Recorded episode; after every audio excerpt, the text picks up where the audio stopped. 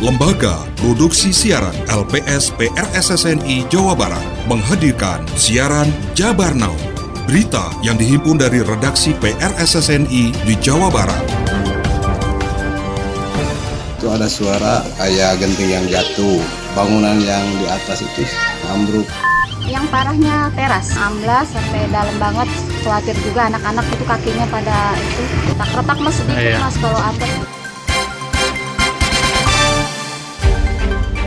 Jabar Now edisi kali ini di antaranya mengenai Kepala Desa di Cianjur jadi pelaku pembakaran mobil tim ses caleg DPR.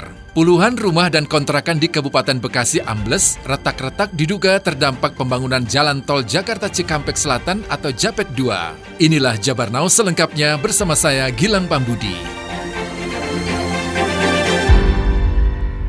Polsek Cilengsi menggerebek tempat pengoplosan gas bersubsidi di Desa Daya, Kecamatan Cilengsi, Kabupaten Bogor. Tiga orang tersangka diamankan, satu di antaranya pemilik tempat dan pengusaha gas oplosan. Jajaran kepolisian Polsek Cilengsi menggerebek sebuah tempat pengoplosan gas LPG dari 3 kg atau gas LPG bersubsidi ke tabung gas ukuran 5,5 kg, 12 kg dan juga 50 kg di Kampung Rawajamun, Desa Daya, Kecamatan Cilengsi, Kabupaten Bogor. Tiga orang tersangka berhasil diamankan di antaranya BG 50 tahun selaku pemilik tempat dan pengusaha gas oplosan tersebut. TM 47 tahun dan AM 30 tahun yang berperan sebagai pelaku pengoplos gas tersebut. Dari tiga pelaku, polisi menyita barang bukti berupa 300 lebih tabung gas berbagai ukuran, selang gas dan pipa besi sebagai alat pengoplos gas, empat buah lemari es untuk pembuat es sebagai pendingin saat pengoplosan gas, dan dua unit kendaraan mobil losbak pengangkut gas. Gas LPG 3 kg subsidi pemerintah ini dipindahkan ke tabung gas yang non subsidi atau yang dijual dengan harga industri. Modus operandi ini telah mereka lakukan selama kurang lebih 3 tahun. Para pelaku dijerat pasal 55 Undang-Undang Nomor 22 Tahun 2001 tentang minyak dan gas bumi dengan dipidana penjara paling lama 6 tahun dan denda paling tinggi 60 miliar rupiah. Puluhan rumah dan kontrakan di Kampung Legok Cariu, RT 12 RW 6, Desa Sukamukti, Kecamatan Bojongmangu, Kabupaten Bekasi, ambles dan retak. Penyebabnya diduga karena adanya pembangunan jalan tol Jakarta Cikampek Selatan atau JAPEK 2. Sulistiowati, 40 tahun, pemilik bangunan mengaku khawatir kerusakan di rumahnya akan semakin parah dan berpotensi ambruk sewaktu-waktu. Saat ini kondisi bangunan rumahnya sudah ambles sekitar 60 cm, sejumlah tembok hingga asbes rumahnya juga retak dan mengalami kerusakan. Yang parahnya teras, amblas sampai dalam banget. Khawatir juga anak-anak itu kakinya pada itu retak-retak mas sedikit Iya. mas kalau ambles udah dalam. Bangunannya ngaruh, tadinya bawahnya aja, lama-lama Iya. itu rumahnya turun ke bawah. Sementara itu, pemerintah Kabupaten Bekasi sudah meminta PVMBG untuk melakukan kajian terhadap pergerakan tanah di lokasi tersebut. Kajian yang dilakukan untuk mengetahui apakah perlu dilakukan relokasi terhadap warga yang terdampak atau tidak. Dinas Pendidikan Kota Tasikmalaya pada 2025 mendatang akan prioritaskan perbaikan dan pembangunan ruang kelas yang ambruk di SMP Negeri 15 Minggu 25 Februari lalu. Pernyataan disampaikan pelaksana tugas PLT Kepala Dinas Pendidikan Kadis di Kota Tasikmalaya Ucu Anwar Surahman. Ucu menyebut ambruknya atap salah satu ruang kelas SMP Negeri 15 Kota Tasikmalaya itu tidak mengganggu kegiatan belajar mengajar KBM sebab selain saat sedang libur ruangan juga tidak dipakai. Menurutnya, hasil komunikasi dengan kepala sekolah ternyata kelas itu memang sudah dalam kondisi tidak digunakan karena takut mengakibatkan bobol dan berbahaya serta menunggu proses pembangunan ke depan. memang sudah lapuk dan tidak digunakan sebagai ruang belajar sudah kita masukkan pada program prioritas untuk kita bangun di 2025. Sebelumnya diketahui atap salah satu ruang kelas di SMP Negeri 15 ambruk. Rangka atap dan genteng berserakan memenuhi ruangan kelas. Samsul, penjaga sekolah mengatakan peristiwa terjadi Minggu 25 Februari saat ia sedang kontrol bangunan. Ada suara genteng berjatuhan. Setelahnya terdengar suara kayu rangka utama atap bangunan patah. Samsul menyebut saat kejadian tak sedang hujan, namun malam sebelumnya hujan deras. Ada suara kayak genting yang jatuh. Langsung bangunan yang di atas itu ambruk. Sempat ada kayu yang patah. Sebetulnya ruangan itu udah nggak dipakai. Itu kan bangunannya udah lapuk. Terima kasih Anda masih setia menyimak rangkaian berita dalam Jabar Now yang disiarkan serentak radio anggota PR SSNI se-Jawa Barat. Info Pemilu Info Pemilu Persembahan PR SSNI Jawa Barat Saudara, Tiga pelaku pembakaran mobil tim sukses di posko penghitungan suara calon legislatif atau caleg DPR RI Neng EM di kawasan Puncak Cianjur berhasil diringkus. Terungkap jika salah satu pelaku yang juga bertindak sebagai eksekutor merupakan kepala desa aktif. Kapolres Cianjur AKBP Azhari Kurniawan mengatakan ketiga pelaku berinisial A, S, dan AS. Salah satu pelaku yakni S merupakan salah seorang kepala desa di Kecamatan Cikalong Kulon, sementara itu A dan AS bekerja sebagai buruh harian lepas. Ketiga pelaku memiliki peran masing-masing dan S yang merupakan kepala desa aktif ini berperan sebagai eksekutor. Menurut Azhari, dari hasil pemeriksaan sementara diketahui para pelaku melakukan aksi pembakaran karena adanya motif sakit hati dan dendam terhadap caleg DPR RI tersebut. Desa alamat Kampung Cileman, Desa Menteng Sari, Kecamatan Cilawolo, Kabupaten Cianjur. Pelaku yang kedua atas nama AM, yang ketiga adalah saudara A alias S. Atas perbuatannya, pelaku dijerat dengan pasal 187 KUHP, ancaman hukuman 12 tahun penjara. Kepala Badan Kependudukan dan Keluarga Berencana Nasional atau BKKBN, Dr. Hasto Wardoyo, mengapresiasi prevalensi penurunan stunting di Jawa Barat, yakni dari 24,5 persen pada 2021 menjadi 20,2 persen pada 2022. Hasto dalam sambutan tertulis pada Rakerda Bangga Kencana BKKBN Jabar di Bandung, Kamis 29 Februari, yang dibacakan Deputi Bidang Advokasi Penggerakan dan Informasi atau Adpin BKKBN Sukaryo Teguh Santoso menyebut, penurunan stunting di Jawa Barat jauh lebih tinggi di tingkat nasional. Karenanya, diyakini keberhasilan pembangunan membutuhkan kerjasama kolaborasi dan komitmen semua unsur serta mitra kerja. Kami menyampaikan juga apresiasi yang tinggi pencapaian Jawa Barat dalam menurunkan prevalensi stunting dari 24,5 persen pada tahun 2021 menjadi 20,2 persen pada tahun 2022. Penurunan ini jauh lebih tinggi dibandingkan rata-rata penurunan yang ada di tingkat nasional. Sangat penting untuk diingat bahwa kita tidak dapat menghadapi semua tantangan pembangunan ini sendirian. Kolaborasi seluruh komponen masyarakat dan mitra kerja sangat dibutuhkan. Keberhasilan kita akan sangat tergantung pada sejauh mana kita dapat bekerja sebagai satu tim yang solid, kompak, bersinergi, dan kolaborasi. Terkait rapat kerja daerah atau Rakerda BKKBN Provinsi Jawa Barat, program Bangga Kencana, Pembangunan Keluarga, Kependudukan dan Keluarga Berencana, dan Percepatan Penurunan Stunting mengambil tema kolaborasi dan aksi nyata mewujudkan SDM Jawa Barat yang maju, unggul, dan berkualitas melalui akselerasi program Bangga Kencana dan Percepatan Stunting 2024. Satreskrim Polres Kuningan menggelar rekonstruksi kasus pembunuhan dengan korban berinisial D alias gadis oleh kekasih sesama jenisnya yang dilatar belakangi rasa cemburu. Tersangka SN melakukan sebanyak 24 adegan rekonstruksi di sebuah kontrakan di Kelurahan Awirarangan, Kecamatan Kuningan, Kabupaten Kuningan, tempat korban dihabisi oleh tersangka. Dari reka ulang tersebut terungkap, tersangka berusaha merekayasa seakan-akan korban bunuh diri dengan cara meletakkan obat-obatan di samping korban dan menulis surat wasiat palsu yang ditulis oleh tersangka. Kasat Reskrim Polres Kuningan AKP Iputu mengatakan, pelaku melakukan 24 reka adegan dari mulai awal hingga korban korban ditemukan meninggal dunia. Tujuannya kita melaksanakan rekonstruksi di sini untuk melaksanakan sinkronisasi terhadap keterangan tersangka, keterangan saksi-saksi maupun barang bukti yang kita temukan di TKP. Adapun motif pembunuhan ini Kasat menyebutkan masih seperti pengakuan pelaku yaitu cemburu buta. Pelaku yang sudah tiga bulan tinggal bersama di tempat kos tersebut cemburu dengan keseharian korban yang setiap malam mangkal menawarkan kencan singkat dengan pria lain.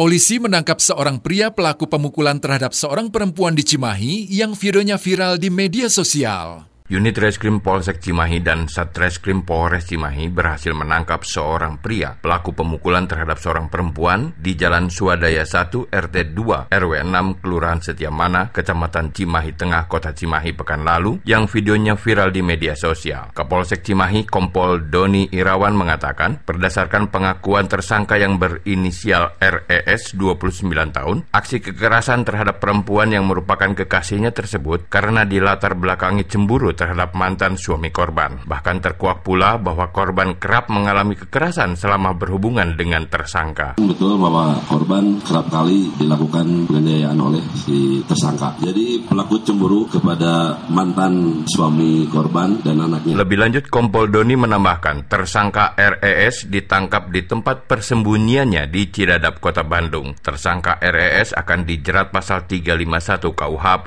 tentang penganiayaan dengan ancaman hukuman 5 5 tahun 8 bulan penjara. Terima kasih. Anda telah menyimak siaran berita Jabar Now yang diproduksi oleh Lembaga Produksi Siaran LPS PRSSNI Jawa Barat.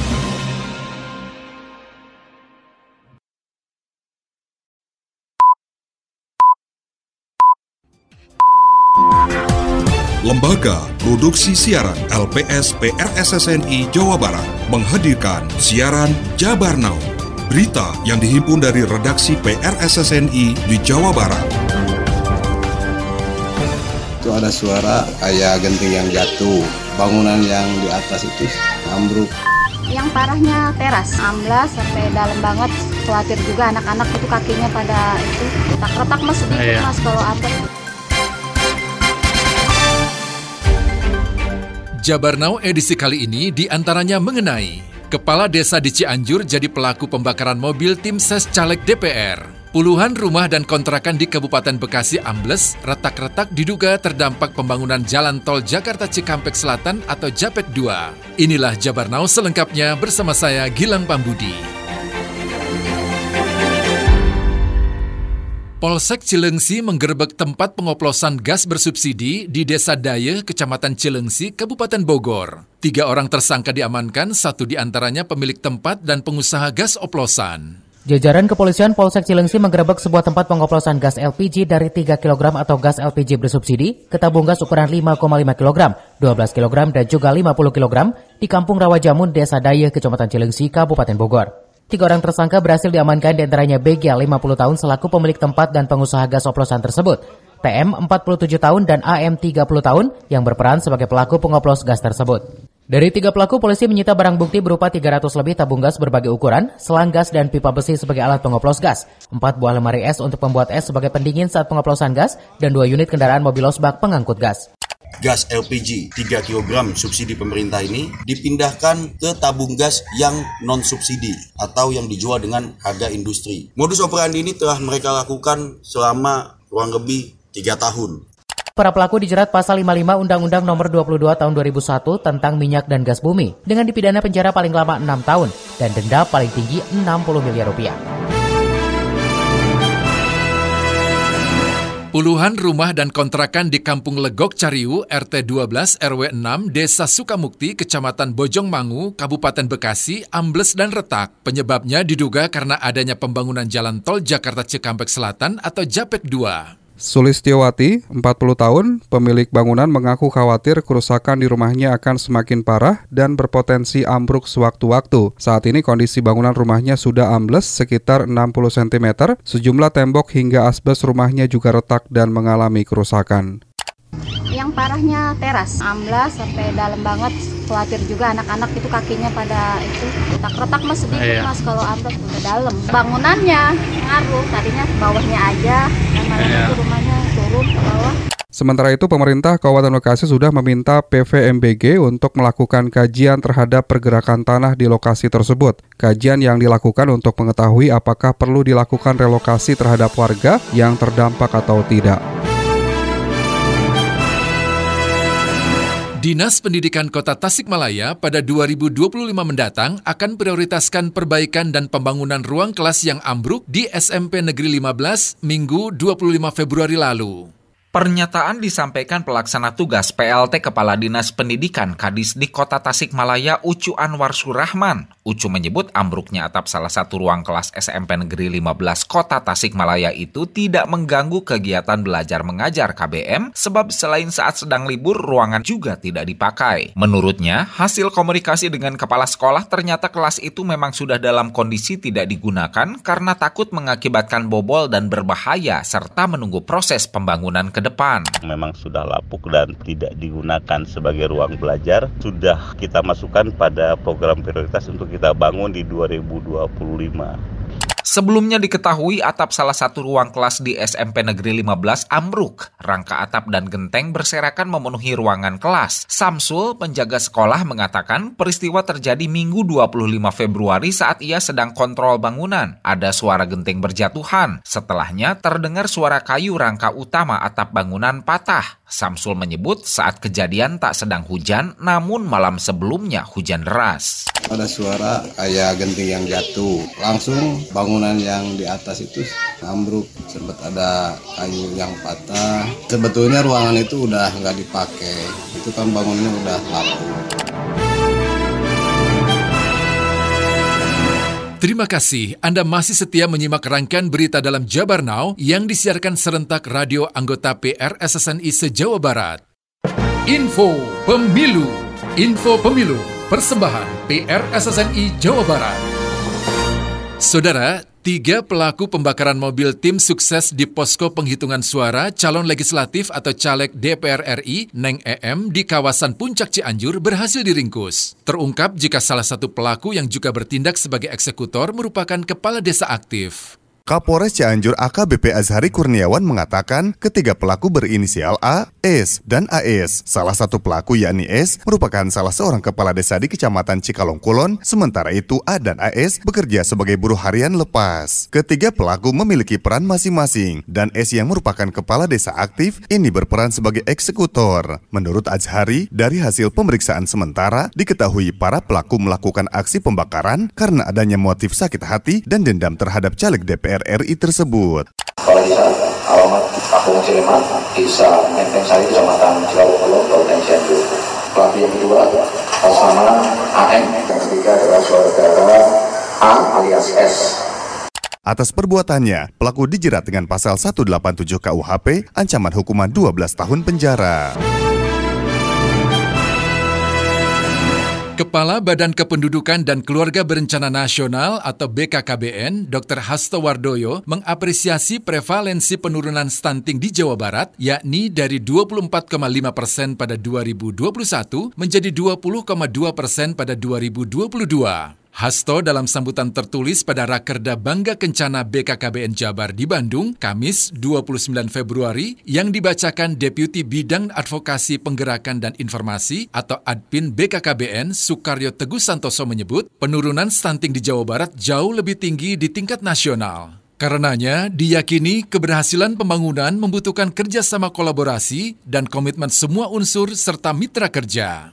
Kami menyampaikan juga apresiasi yang tinggi pencapaian Jawa Barat dalam menurunkan prevalensi stunting dari 24,5 persen pada tahun 2021 menjadi 20,2 persen pada tahun 2022. Penurunan ini jauh lebih tinggi dibandingkan rata-rata penurunan yang ada di tingkat nasional. Sangat penting untuk diingat bahwa kita tidak dapat menghadapi semua tantangan pembangunan ini sendirian. Kolaborasi seluruh komponen masyarakat dan mitra kerja sangat dibutuhkan. Keberhasilan kita akan sangat tergantung pada sejauh mana kita dapat bekerja sebagai satu tim yang solid, kompak, bersinergi, dan kolaborasi.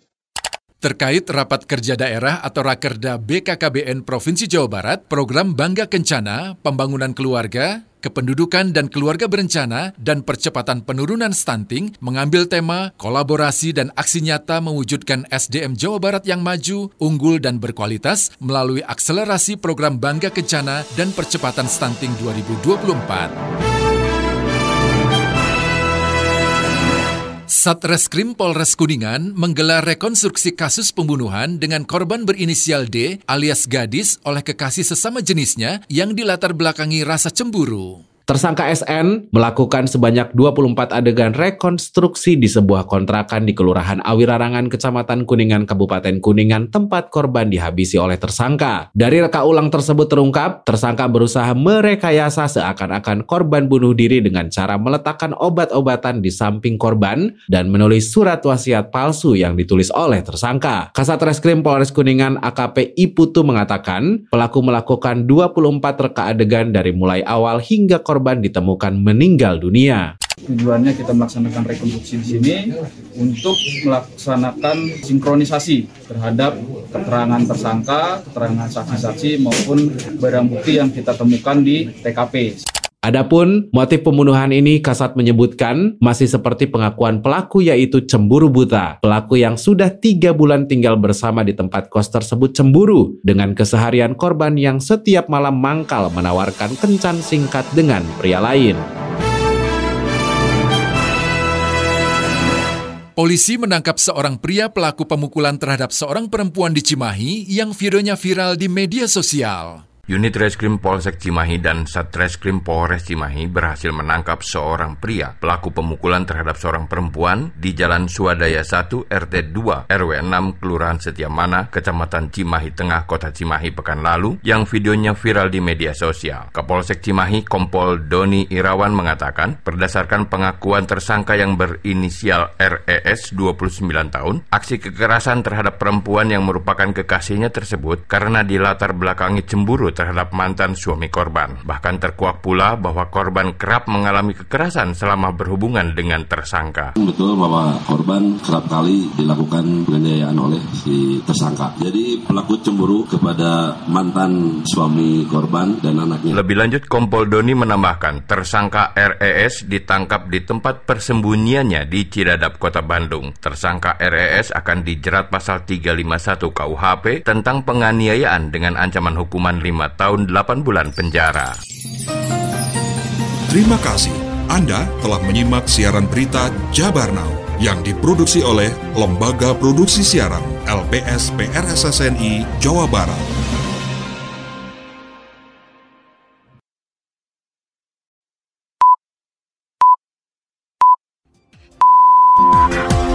Lembaga Produksi Siaran LPS PRSSNI Jawa Barat menghadirkan siaran Jabar Now, berita yang dihimpun dari redaksi PRSSNI di Jawa Barat.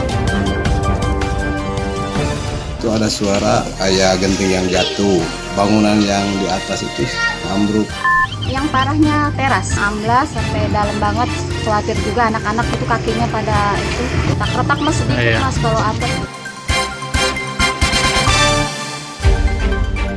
Jabar Now edisi kali ini di antaranya mengenai Kepala Desa di Cianjur jadi pelaku pembakaran mobil tim ses caleg DPR. Puluhan rumah dan kontrakan di Kabupaten Bekasi ambles, retak-retak diduga terdampak pembangunan jalan tol Jakarta Cikampek Selatan atau Japek 2. Inilah Jabar Now selengkapnya bersama saya Gilang Pambudi.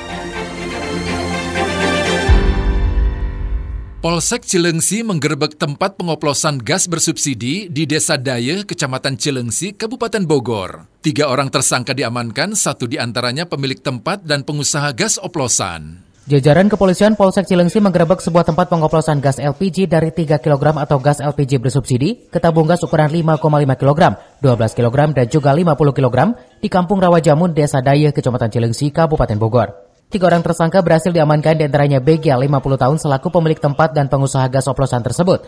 TM 47 tahun dan AM 30 tahun yang berperan sebagai pelaku pengoplos gas tersebut. Dari tiga pelaku, polisi menyita barang bukti berupa 300 lebih tabung gas berbagai ukuran, selang gas dan pipa besi sebagai alat pengoplos gas, empat buah lemari es untuk pembuat es sebagai pendingin saat pengoplosan gas, dan dua unit kendaraan mobil losbak pengangkut gas. Gas LPG 3 kg subsidi pemerintah ini dipindahkan ke tabung gas yang non subsidi atau yang dijual dengan harga industri. Modus operandi ini telah mereka lakukan selama kurang lebih 3 tahun. Para pelaku dijerat pasal 55 Undang-Undang Nomor 22 Tahun 2001 tentang minyak dan gas bumi dengan dipidana penjara paling lama 6 tahun dan denda paling tinggi 60 miliar rupiah. Puluhan rumah dan kontrakan di Kampung Legok Cariu, RT 12 RW 6, Desa Sukamukti, Kecamatan Bojongmangu, Kabupaten Bekasi, ambles dan retak. Penyebabnya diduga karena adanya pembangunan jalan tol Jakarta Cikampek Selatan atau JAPEK 2. Sulistiawati, 40 tahun, pemilik bangunan mengaku khawatir kerusakan di rumahnya akan semakin parah dan berpotensi ambruk sewaktu-waktu. Saat ini kondisi bangunan rumahnya sudah ambles sekitar 60 cm, sejumlah tembok hingga asbes rumahnya juga retak dan mengalami kerusakan. Yang parahnya teras, amblas sampai dalam banget. Khawatir juga anak-anak itu kakinya pada itu retak-retak mas sedikit iya. mas kalau amblas udah dalam. Bangunannya ngaruh, tadinya bawahnya aja, dan malam iya. itu rumahnya turun ke bawah. Sementara itu, pemerintah Kabupaten Bekasi sudah meminta PVMBG untuk melakukan kajian terhadap pergerakan tanah di lokasi tersebut. Kajian yang dilakukan untuk mengetahui apakah perlu dilakukan relokasi terhadap warga yang terdampak atau tidak.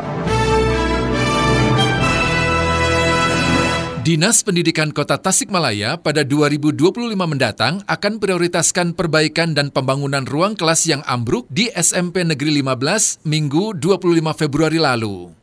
Pernyataan disampaikan pelaksana tugas PLT Kepala Dinas Pendidikan Kadis di Kota Tasikmalaya Ucu Anwar Surahman. Ucu menyebut ambruknya atap salah satu ruang kelas SMP Negeri 15 Kota Tasikmalaya itu tidak mengganggu kegiatan belajar mengajar KBM sebab selain saat sedang libur ruangan juga tidak dipakai. Menurutnya, hasil komunikasi dengan kepala sekolah ternyata kelas itu memang sudah dalam kondisi tidak digunakan karena takut mengakibatkan bobol dan berbahaya serta menunggu proses pembangunan ke depan. Memang sudah lapuk dan tidak digunakan sebagai ruang belajar. Sudah kita masukkan pada program prioritas untuk kita bangun di 2025. Sebelumnya diketahui atap salah satu ruang kelas di SMP Negeri 15 ambruk. Rangka atap dan genteng berserakan memenuhi ruangan kelas. Samsul, penjaga sekolah mengatakan peristiwa terjadi Minggu 25 Februari saat ia sedang kontrol bangunan. Ada suara genteng berjatuhan. Setelahnya terdengar suara kayu rangka utama atap bangunan patah. Samsul menyebut saat kejadian tak sedang hujan, namun malam sebelumnya hujan deras. Ada suara kayak genting yang jatuh. Langsung bangunan yang di atas itu ambruk. Sempat ada kayu yang patah. Sebetulnya ruangan itu udah nggak dipakai. Itu kan bangunannya udah lapuk. Terima kasih Anda masih setia menyimak rangkaian berita dalam Jabar Now yang disiarkan serentak radio anggota PR SSNI se-Jawa Barat.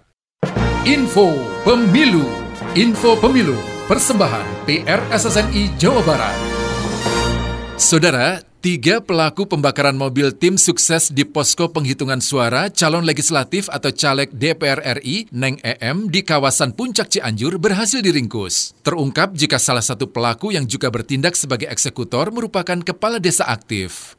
Kapolres Cianjur AKBP Azhari Kurniawan mengatakan ketiga pelaku berinisial A, S, dan AS. Salah satu pelaku yakni S merupakan salah seorang kepala desa di Kecamatan Cikalong Kulon, sementara itu A dan AS bekerja sebagai buruh harian lepas. Ketiga pelaku memiliki peran masing-masing dan S yang merupakan kepala desa aktif ini berperan sebagai eksekutor. Menurut Azhari, dari hasil pemeriksaan sementara diketahui para pelaku melakukan aksi pembakaran karena adanya motif sakit hati dan dendam terhadap caleg DPR DPR RI tersebut. Kalau bisa alamat Kampung Ciliman, Desa Menteng Sari, Kecamatan Cilawolo, Kabupaten Cianjur. Pelaku yang kedua atas nama AM, yang ketiga adalah saudara A alias S. Atas perbuatannya, pelaku dijerat dengan pasal 187 KUHP, ancaman hukuman 12 tahun penjara. Kepala Badan Kependudukan dan Keluarga Berencana Nasional atau BKKBN, Dr. Hasto Wardoyo, mengapresiasi prevalensi penurunan stunting di Jawa Barat, yakni dari 24,5 persen pada 2021 menjadi 20,2 persen pada 2022. Hasto dalam sambutan tertulis pada Rakerda Bangga Kencana BKKBN Jabar di Bandung, Kamis 29 Februari, yang dibacakan Deputi Bidang Advokasi Penggerakan dan Informasi atau Adpin BKKBN Sukaryo Teguh Santoso menyebut, penurunan stunting di Jawa Barat jauh lebih tinggi di tingkat nasional. Karenanya, diyakini keberhasilan pembangunan membutuhkan kerjasama kolaborasi dan komitmen semua unsur serta mitra kerja. Kami menyampaikan juga apresiasi yang tinggi pencapaian Jawa Barat dalam menurunkan prevalensi stunting dari 24,5 persen pada tahun 2021 menjadi 20,2 persen pada tahun 2022. Penurunan ini jauh lebih tinggi dibandingkan rata-rata penurunan yang ada di tingkat nasional. Sangat penting untuk diingat bahwa kita tidak dapat menghadapi semua tantangan pembangunan ini sendirian. Kolaborasi seluruh komponen masyarakat dan mitra kerja sangat dibutuhkan. Keberhasilan kita akan sangat tergantung pada sejauh mana kita dapat bekerja sebagai satu tim yang solid, kompak, bersinergi, dan kolaborasi. Terkait rapat kerja daerah atau Rakerda BKKBN Provinsi Jawa Barat, program Bangga Kencana, pembangunan keluarga, kependudukan dan keluarga berencana, dan percepatan penurunan stunting mengambil tema kolaborasi dan aksi nyata mewujudkan SDM Jawa Barat yang maju, unggul, dan berkualitas melalui akselerasi program Bangga Kencana dan percepatan stunting 2024. Satreskrim Polres Kuningan menggelar rekonstruksi kasus pembunuhan dengan korban berinisial D alias gadis oleh kekasih sesama jenisnya yang dilatar belakangi rasa cemburu. Tersangka SN melakukan sebanyak 24 adegan rekonstruksi di sebuah kontrakan di Kelurahan Awirarangan, Kecamatan Kuningan, Kabupaten Kuningan, tempat korban dihabisi oleh tersangka. Dari reka ulang tersebut terungkap, tersangka berusaha merekayasa seakan-akan korban bunuh diri dengan cara meletakkan obat-obatan di samping korban dan menulis surat wasiat palsu yang ditulis oleh tersangka. Kasat Reskrim Polres Kuningan AKP Iputu mengatakan, pelaku melakukan 24 reka adegan dari mulai awal hingga korban korban ditemukan meninggal dunia. Tujuannya kita melaksanakan rekonstruksi di sini untuk melaksanakan sinkronisasi terhadap keterangan tersangka, keterangan saksi-saksi maupun barang bukti yang kita temukan di TKP.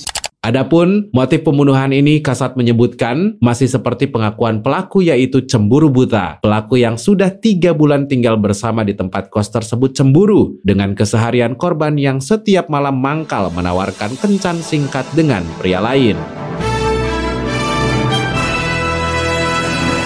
Polisi menangkap seorang pria pelaku pemukulan terhadap seorang perempuan di Cimahi yang videonya viral di media sosial. Unit Reskrim Polsek Cimahi dan Satreskrim Polres Cimahi berhasil menangkap seorang pria pelaku pemukulan terhadap seorang perempuan di Jalan Swadaya 1 RT 2 RW 6 Kelurahan Setiamana, Kecamatan Cimahi Tengah, Kota Cimahi pekan lalu yang videonya viral di media sosial. Kapolsek Cimahi Kompol Doni Irawan mengatakan, berdasarkan pengakuan tersangka yang berinisial RES 29 tahun, aksi kekerasan terhadap perempuan yang merupakan kekasihnya tersebut karena dilatar belakangi cemburu terhadap mantan suami korban. Bahkan terkuak pula bahwa korban kerap mengalami kekerasan selama berhubungan dengan tersangka. Betul bahwa korban kerap kali dilakukan penganiayaan oleh si tersangka. Jadi pelaku cemburu kepada mantan suami korban dan anaknya. Lebih lanjut Kompol Doni menambahkan tersangka RES ditangkap di tempat persembunyiannya di Cidadap, Kota Bandung. Tersangka RES akan dijerat pasal 351 KUHP tentang penganiayaan dengan ancaman hukuman 5 tahun 8 bulan penjara. Terima kasih. Anda telah menyimak siaran berita Jabar Now yang diproduksi oleh Lembaga Produksi Siaran LPS PRSSNI Jawa Barat.